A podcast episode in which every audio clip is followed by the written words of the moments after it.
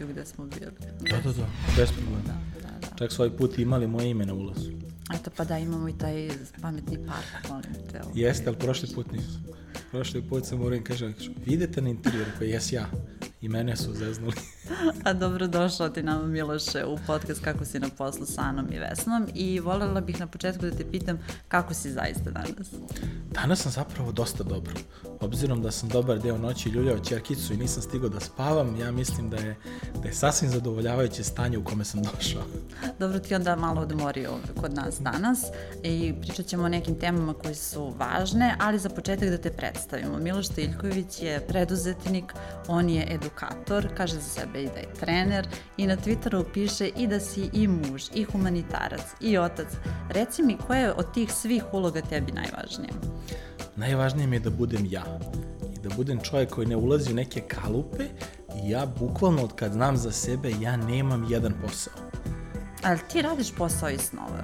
Jel možeš sebe da kažeš da živiš i radiš posao iz snova? Ja radim nekoliko poslova snova. A je li to u Srbiji Paralelno. moguće? Oni te objasni nam. Znam da, da dosta radiš na, na tu temu. Je li moguće u Srbiji danas konkretno raditi posao iz snova? E, Jeste, i ono što je interesantno, moguće je i u Srbiji raditi posao snova, a i iz Srbije raditi posao snova. Sad ima ovaj ceo trend, ovaj gig economy, ovaj, sa raznim platformama gde freelanceri pruže usluge celom svetu i jako dobro zarađuju od toga, što nije najsrećnije regulisano u našoj zemlji. Da, nisu zakonski, Tako ih, zakon ih ne poznaje kao radnike. Ne. Jeste, ali to je jedan od dosta dobrih izvora prihoda, jer u Srbiji se jako lepo živi ako neko ima novac. Ne nešto preterano, ali mu treba Ali moram da određena podelim količina. sa tobom, eto šta se kod nas dešava, suprotnost. Na primjer, dostavljači kažu im, ali vi sada imate veliku platu, neću da vam ostavljam bakšiš, na primjer. Dobro, to je samo delić to, toga, nije to problem, ali se ta percepcija drugačije shvata ili je to samo u Srbiji tako, da čak i taj trend sa zapada, kada dođe mi to na svoj neki način sebi prilagodimo. ne znam baš tačno u kulturi našoj šta jeste, šta nije, ne, ne bavim se time, ali mi je interesantno da mi imamo određene profesije kojima dajemo bakšiš ovaj, po defaultu, onako navikli smo jednostavno kad se ode u kafanu, onda se tu ostavlja bakšiš. Nekad i ne brojimo koliko je ostalo, naročito kad više ljudi hoće da plati račun, pa onda tu bude onako jedna suma novca. A to za dostavljače, ne znam, ovaj, izlazila su razne istraživanja koja ne govore baš u lepe stvari o organizaciji uopšte celog posla dostavljača u Srbiji, jer tu ima isto dosta neregulisanih stvari. To su sve neke nove stvari, nove profesije koje ulaze na naše tržište i sad treba prođe neko vreme da se prepoznaju problemi, pa da se regulišu ti problemi, a onda da se sve to izmeni, jer prvi put nije bilo regulisano kako treba i tako. Znači mora da prođe neki vremenski period da bi se naše zakonodavstvo prilagodilo svemu tome. A kada govorimo o tim prvim poslovima, kako mlade naučiti da se ne obeshrabre ako ne rade posao iz snova? Je li a, greška da, a, mislim, moram da radim taj posao i zacrtam negde u glavi posle fakulteta ili posle srednje škole ili posle nekog određenja, ja želim da se bavim samo tim. I ako se desi da zapadnu neku drugu industriju, ja znam mnogo prijatelja koji rade posao koji nisu ni prišli njihovim fakultetima, hajde tako da se izrazim. Da li, da li, kako ih usmeriti na tom prvom Pa, ovako ide, mislim, mi kad smo, znaš, sa nepunih 18 godina, mi biramo koji ćemo fakultet da upišemo. Mislim, iskreno, nismo, ni, ne, nemamo zakonsko pravo ni alkohol da pijemo, ali treba da se opredelimo kakav će život da nam bude. I to je onako, ne baš pravo vreme da to izaberemo, naročito način na koji se to kod nas radi, gde mi nemamo priliku uopšte da vidimo šta se radi u tim profesijama nego ćemo mi pomisliti bankarima je super, oni imaju velike plate ili ne znam kome je super i otići ćemo za velikom platom i nemamo predstavu kako izgleda jedan radni dan te osobe. Ta osoba možda na kraju dana ne voli ni sebe ni ceo svet, ali negde postoji ovaj pretpostavka da ta osoba dobro zarađuje. Ono što je, što je zapravo odgovor na to tvoje pitanje oko posla snova, jako malo, znaš, zapravo nikad se ne desi da prvi posao bude posao snova. I ono što želimo kao mali, u jako malom procentu se desi da nam to bude ono što nas stvarno ispunjava kad porastemo.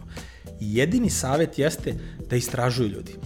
E šta se desi? Ako mi odemo u jednu branšu i tamo upoznamo neke ljude, nama će u određenom trenutku pasti na pamet da nešto treba da se uradi malo drugačije. A to će nas odvesti možda u potpuno drugu branšu, ali iz ove prve ćemo povući neku mrežu. I to je ono što ja kažem ljudima. Prvi posao prihvatate čak i kad je ispod vašeg nivoa.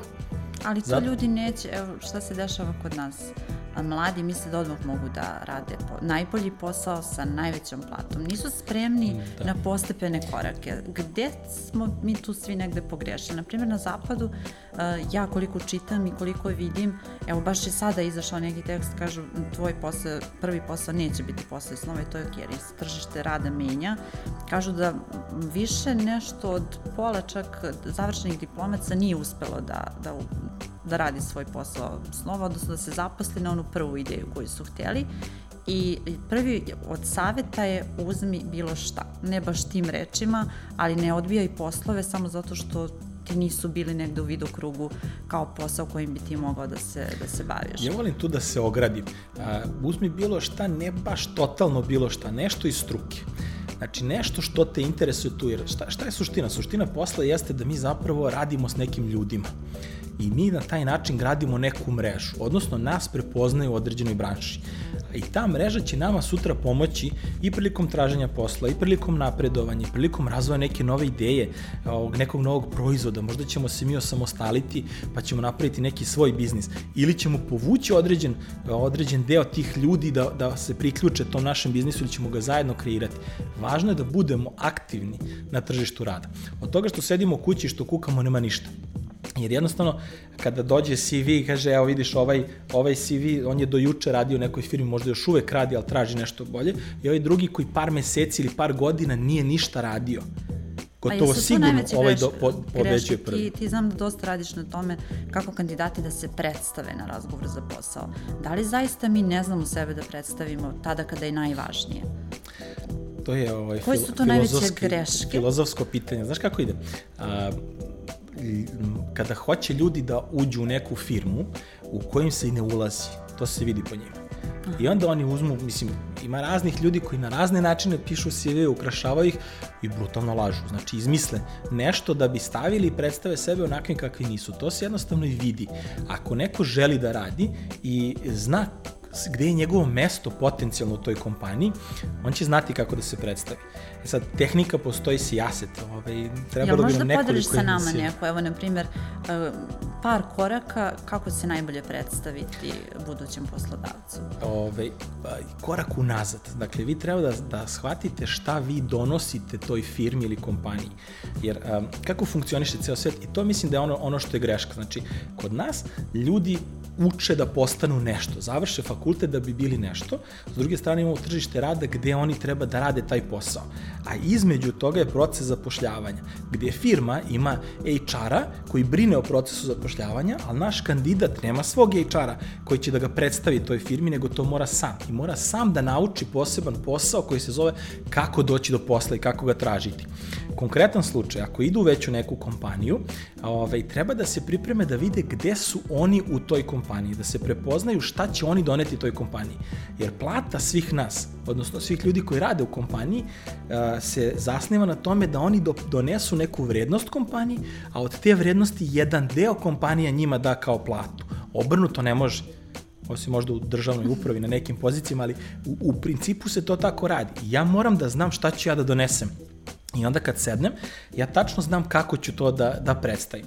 I e sad, opet, razne tehnike. Jedna od, od meni ove, lično najboljih jeste storytelling, znači i, i, kako da ispričam celu priču. Mene kad neko pita, ove, imaš pet godina iskustva, ne znam, u pisanju projekata, kojih imam 17 zapravo, ali ovaj, ja onda moram da im spojim priču celu. I postoji taj pristup koji se zove STAR, ili ti kao zvezda, ovaj, što je Situation, Task, Action and Result. I onda ja predstavim kroz priču, objasnim kakva je situacija bila kad sam nešto radio, onda kažem koji je moj zadatak u toj konkretnoj situaciji bio, koje sam ja aktivnosti preduzio i koji su konkretni rezultati.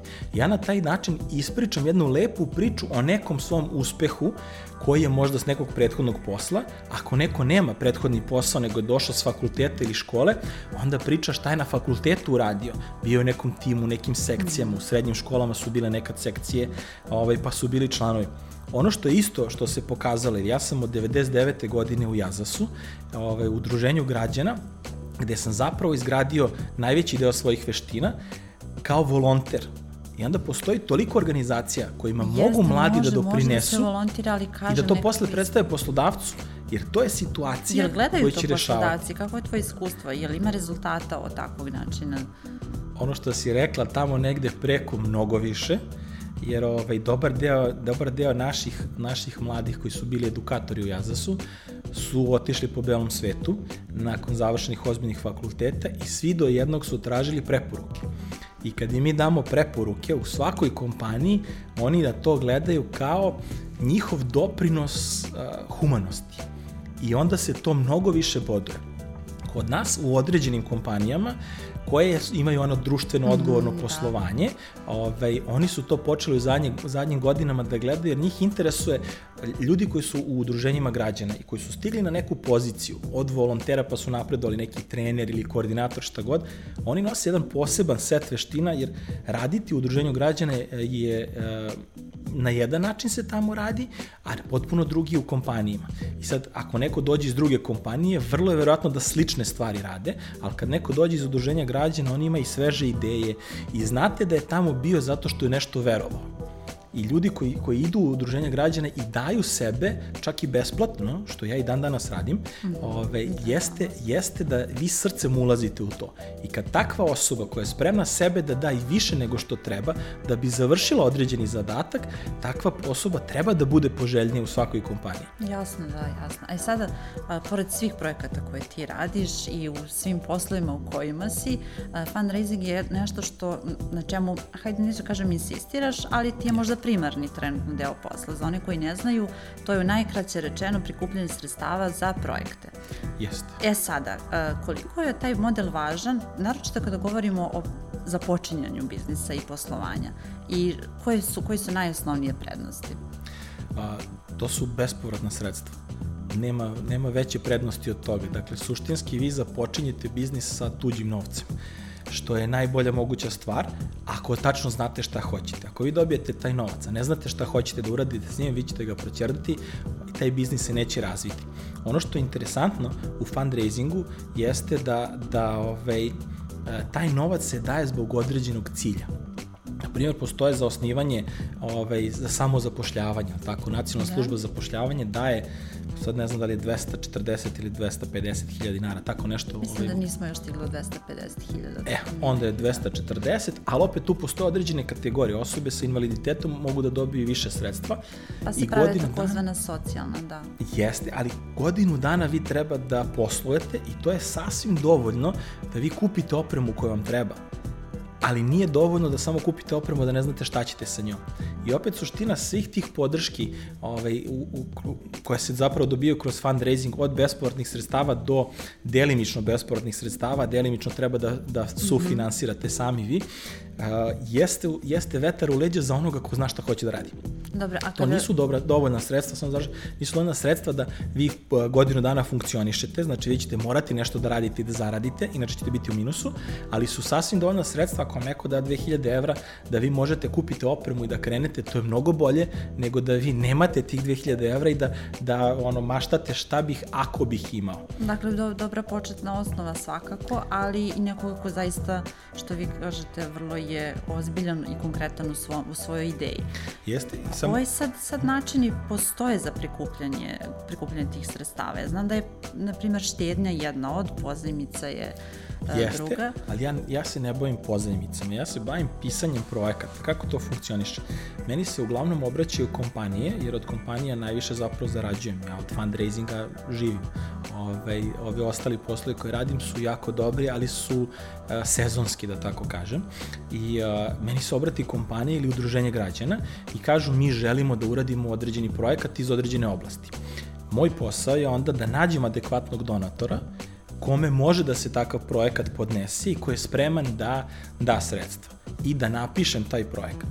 I to onda funkcioniše tako što neko tamo kod tog donatora sedne, komisija određena i oni evaluiraju taj projekat i ako zadovoljavamo sve kriterijume, odnosno njihove strategije, ovaj, onda ta kompanija ili udruženje građana dobiju sredstva da urade to što su rekli da će da urade.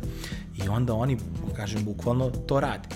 To je, to je još jedan od, mogu da kažem, alternativnih načina finansiranja koji je u Srbiji nov za mnoge. Relativno, da. Radnici još uvek ne shvataju najbolje e, gde su oni u svemu tome, koje su prednosti za njih.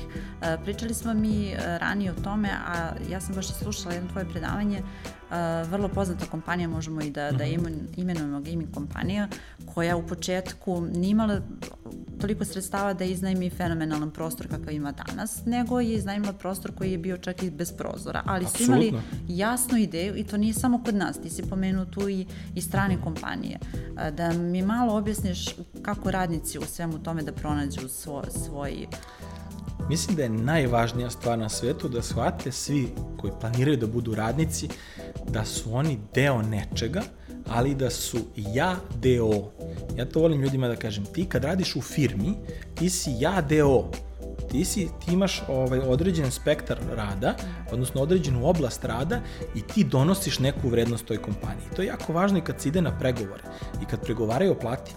Jer onda oni dođu i sad kad, je, kad imate poslodavca i nekog ko treba da se zaposli, taj koji se zapošljava dođe i on je naplašen jer poslodavac je taj veliki, on je u poziciji moći.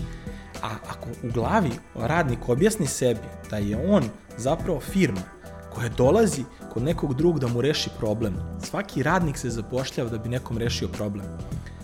I ako to prespoje u glavi, kaže, ok, ja nisam radnik, ja sam preduzetnik od početka, drugačija pravila funkcionišu za mene, ali ako se tako postavi, bit će mu mnogo jasnije da i sebe nađe posle i da poželi da se bavi nekim privatnim biznisom. Jer to nije tajna, ja sam godinama radio u udruženjima građana, pa sam radio posle za Ujedinjene nacije i tada sam otkrio da sve ono što ja sam naučio u udruženjima građana i gomilu stvari koje radim volonterski, kao konsultant mogu jako dobro da naplatim. Potpuno isti posao Jasno. Ali meni u glavi uopšte nije bilo da ja mogu da budem konsultant. Dakle, ne, ne vidimo sve te svoje opcije, svoje, svoje mogućnosti, nego se nekako ukalupimo. To je, to je možda... Jeste, ali kod nas preduzetnički duh nije, nije nešto što se gaji. Kaže jedan od mojih sagovornika da svi koji su preduzetnici u ovoj zemlji su već preduzetnici i da više e, nema mesta za, za nove, test koji sanju o tome da budu preduzetnici, oni su već to postali. Uh, ja sam ne, nešto o tom, mislim, nema baš mnogo istine, jer verujem da ko ima dobru ideju i ko je spreman da, da radi na tome, da će negde, ne mora to da bude najuspešniji preduzetnik u zemlji, ali može da bude preduzetnik koji će dobiti neki drugi način finansiranja, da ne mora da odmah ide kod banke, da ne mora da da, da brine za svoje radnike i zaposlene. Ali kada sumiraš svoje iskustvo, šta je to što bi trebalo da rade poslodavci, a šta radnici da se stvori neka produktivna atmosfera i da bismo imali nek, neku pa hajde da kažemo zdravu, zdravu poslovnu atmosferu. Evo ako, ja sam ti pre, pre nego što smo počeli da snimamo, ovaj, rekao da ja držim i treninge transformacionog liderstva u konjičkom klubu Aranđelovac i to je jedan, tre, jedan program koji ne, ne postoji kod nas. Naročito pre pet godina kad smo ga mi doveli nije postojao, a to je da, da je konj zapravo postaje deo nekog tima i šta šta, šta tamo učimo ljude? Mi učimo ljude tamo da postanu ti iskreni lideri. Jer kad radimo sa konjima, ovaj, onda on, mislim, konji čuju otkuce ljudskog srca, da, što je, što je fantastična stvar. Da. I oni tačno znaju kad je neko nesiguran i kad je apsolutno siguran da zna šta će da uradi a transformacijonog lidera krasi sve ono što bi po defaultu trebalo udruženjima građana da, da, da lideri imaju, a to je da imaju jasnu viziju, da brinu o svim zaposlenima, zato što samo kao tim mogu da stignu do određenog cilja, to znači da ulažu u svoje zaposlene, da ih dignu na najviši mogući nivo, jer će na taj način najbolje moguće doprineti timu i da lider zapravo bude primer drugima. Da, ono znači, što si mi rekao da konji, na primjer, njih ne zanima da li, da li je odelo tako od 30.000 evra ili je, ili je obučen čovek. U trenerku, pocepan, tako je, da. tako je jer da oni, to su te iskon, iskonske liderske veštine. Nažalost, lideri kod nas se treniraju da iscede ljude i onda može da ga zameniš. Jel dolaze ljudi, da li su zainteresovani za to da promene to kod sebe i da postanu bolji, bolji menadžeri, bolji lideri, bolji poslodavci? Jesu i vrlo interesantno, ovaj, zato što kad dođu, ovaj, ne znaju šta ih čeka. Jer to je nešto što ne radi bar da ja Pa, znam, pa, niko drugi. je, je. Tako je, ali dolaze, ono što je interesantno, taj trening je namenjen za top menadžer. Jer top menadžeri moraju da povuku celu priču. Da, ima Pitala si mi šta rade da. radnici. Radnici onda treba da daju svoj maksimum u tom timu. Jer to, je, to se potpuno preslika na kompaniju. Ako ja kao vlasnik kompanije znam tačno šta hoću, pa meni je u interesu da ulažem u svakog radnika da bi on dao svoj maksimum, jer ćemo tako kao tim stići, stići najbrže do cilja. E sad, postoje ovaj, neki razni biznis modeli koji suštinski ne rade to i ne treba im to, jer kod nas i dalje postoji dobar broj radnika koji mogu da rade neke poslove koji nisu zahtevni. To je još jedna kategorija o kojoj nismo pričali, a to je da ako ljudi hoćete da imate novca, morate da radite nešto, e, da radite nešto što je dobro plaćeno. Odnosno da imate neke veštine koje drugi možda nisu razvili. U doba interneta to možete da naučite na internetu, za to da, ne mi treba još ni fakultet ni škola. da smo radnici za svetsko tržište, a ne samo za... Apsolutno. To je isto ono što sam hteo da kažem. Kad ja nemam dovoljno klijenata ovde ili mi se ne svide kompanije ovaj, s, kojima, s koj, kojima treba da radim ovaj, fundraising, ja lepo mogu da kontaktiram bilo koga, bilo gde u svetu da mu ponudim svoje usluge. I ja radim ovaj, i, i van granica Srbije zadnjih 17 godina. To, to je ovaj, možda dobra poruka za, za kraj. A, neću da budem, bez obraza da kažem, nije posao državnog činovnika, posao snova, jer a, mlađe generacije po posljednjim istraživanjima i dalje žele da budu činovnici, jer misle da je državna plata sigurna plata. Jel ti slažeš s tim? moram da biram reči. Ovaj, uh, opet, da bi neko bio uspešan, mora da definiše uspeh za sebe. Ako je siguran izvor prihoda, koji je mali, državne plate nisu velike. Ovaj, ako je sigurni prihod nekome merilo uspeha, ono, go Jel for it, mi idite malo na to, to. Ajde, da budem skroz A iskreni, druga stvar- jel imamo mi malo to da smo lenji u tom smislu da, da radimo na sebi toliko da bismo zaista postigli dobre rezultate, ne samo za sebe, Mi smo nego... lenji, mi smo ubijeni u pojam. Ovaj, da smo lenji ne bi bili dobri radnici preko. Jer kad se ode bilo gde van Srbije, tamo se plaća rad. I to je ono što sam teo da kažem, moramo da pazimo količinu stresa i neljudskih odnosa koje nosi određena pozicija. E to je ono što je meni zapravo ovaj, mnogo bitnije od toga koliko ću ja para zaraditi u određenom poslu. I sad, opet kažem, znači moramo da imamo svoje neke, neko merilo uspeha i svoje kriterijume po kojima ćemo da merimo taj uspeh. Jer i moj i tvoj uspeh nisu isti. Ne percipiramo ih isto. Ja percipiram svoje slobodno vreme kao najveći mogući uspeh. A pritom da imam dovoljnu količinu novca da pokrijem sve troškove koje imam i da ne mislim na to. To je ono što, što želimo da vas, da vas naučimo u ovom podcastu ili bar da vam pomognemo i nađemo konkretne savete kako naći balans između posla i, i života i kako naći to slobodno vreme koje, koje svi danas negde ostavljamo sa strane i ne pričamo toliko o tome. Hvala ti mnogo Miloš što si bio, što si bio naš gost, a vi nas gledajte i sledeće nedelje na Business Telegrafu. Hvala vam puno. Zaboravila sam malo pre da kažem kada smo pričali o, o državnom poslu, a, koliko stvarno, pre, u stvari možda i jesam, prema tom posljednjem istraživanju, koliko je poražavajuća je činjenica da, da mladi žele da budu državni činovnici. Pored toliko zanimanja, pored toliko novih poslova, pored toliko a, novih mogućnosti da mi mislimo da je da su državne jasle naj onako nešto što, što možda nam obezbedi siguran život ili možda to da ne moram ja sada da minjam a, radno mesto, radno vrijeme, da imam siguran posao 20 narednih godina. Zašto se ne menjamo? To mi je onako... Zato što je takav narativ. A i ono što je e, interesantno je da mladi vide šta se dešava. Da I ako mladi vide da nekom državnom službeniku dobro ide i da je tom mladom otac ili majka ostao bez posla u nekoj firmi, zatvorila se neka fabrika, šta god, a da ovaj i dalje ima siguran izvor prihoda, on lako poveže 2 i 2. Znači njemu, njemu je, to ide u kontinuitetu. Pritom ono što sam rekao, oni predstavu nemaju kako izgleda jedan radni dan te osobe. Jer da znaju kako izgleda jedan radni dan te osobe, možda nikad u životu ne bi poželili da uđu tamo. Opet, državni posao može da bude jako lep. Moja supruga je godinama radila u kancelariji za saradnju s civilnim društvom. I to je bila milina, ona je stvarno volila svoj posao. I to postoji takva opcija, ali ona je tačno znala čime će ona da doprinese ovaj, toj kancelariji. Ako ona da je otišla tamo da bi otišla zbog plate, opet neću da pričam o platama, ali kažem, državne plate nisu velike. I ono što je isto problem kod nas jeste što ljudi uopšte ne mogu da dobace kolike plate mogu da budu i kolike plate treba da budu kada izađu na strano tržište. Re, relativno i zabranjeno kod nas da se priča o platama, to je još uvek poslana to je tabu, pa je dosta jest, na pretpostavci, jest. tako da... E, to su sad neke stvari, opet, ja znam gomilu ljudi koji su preko različitih platformi ovaj, bukvalno za dva dana zarađivali više nego za mesec dana u Srbiji. Pa da. I to je moguće. Sad postoji jedan drugi trend. U Srbiji je teško naći kvalifikovanog radnika. Da, to je Zato što postoje sve te, generalno. tako jer sve te platforme postoje, plate koje se ovde u Srbiji zarađuju više nisu konkurentne.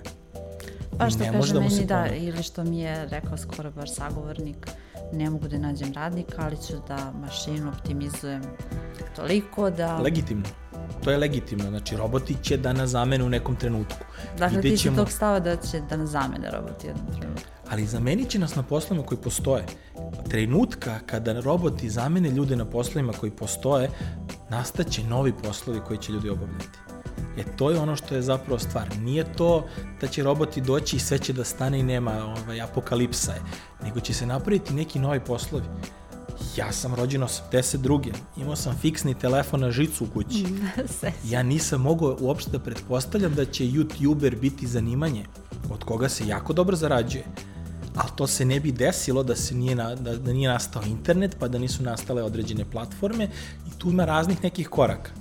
Opet, sve to je ubrzalo vreme, odnosno ubrzalo je uh, vreme pre svega, a onda i količinu posla koju mi moramo na dnevnom nivou da obavimo, da bi bili plaćeni kao pre 20 godina. Znači, vre, ne, ne znam da li si primetila to, ali mnogo se više na dnevnom nivou zahteva od nas, jer sad imamo kompjuter kad sednemo za kompjuter, sve uradimo pa mnogo brže.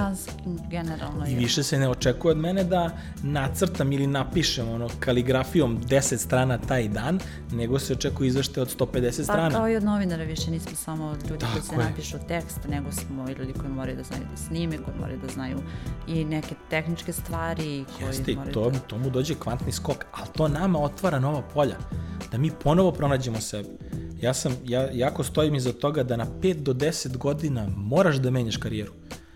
Ne to kao ja sam izabrao 40 godina šta ću raditi, to ne postoji. Na 5 do 10 godina ti menjaš karijeru jer ti si već iskusio dobar deo svega toga i sad ti možeš svoje ideje iz jedne branše da preneseš u drugu branšu i da budeš car. To što ćeš ti doneti u tu branšu je nešto što oni nisu videli u životu. Mi smo pisali projekte za, za razvoj igara jedan projekat koji sam napisao doneo je 150.000 evra kompaniji koja je razvijala igricu, bez, bespovratna sredstva. Znači, pa razvili da. su igricu, imali su mogućnost da je prodaju i da to zarade i da ne vraćaju nikome pare. Posao iz snova, da se igraš i da, da radiš posao iz snova. Tako Na da, primjer, da... Ovaj, ali, ali ono što, što je suština jeste da stalno moramo da istražujemo i da pronalazimo sebe ponovo. Ono što sam htela da kažem jeste da smo mi, kada smo pisali projekat, komilo nekih stvari koje su u drugoj branši m, ono, standardne, ovde su bile inovativne. I na tu inovativnost smo mi dobili, dobili dobar deo bodova, a to je bilo moje iskustvo jer ja u gamingu tada nisam bio, nisam znao toliko, ali sam iz potpuno druge branše doneo gomilu stvari koja je njima donela jako veliki broj bodova i taj projekat je odobren. Hvala, hvala ti puno Miloše, ja se nadam da su nas isključili, pošto uopšte ne znam šta se desilo. Nije, rekla Neta da će da nas snimaju do, da, do sutra. ali ja mislim da... Čekaj da sad da sednem Ali možda da ja nisam bila jasna, to je možda...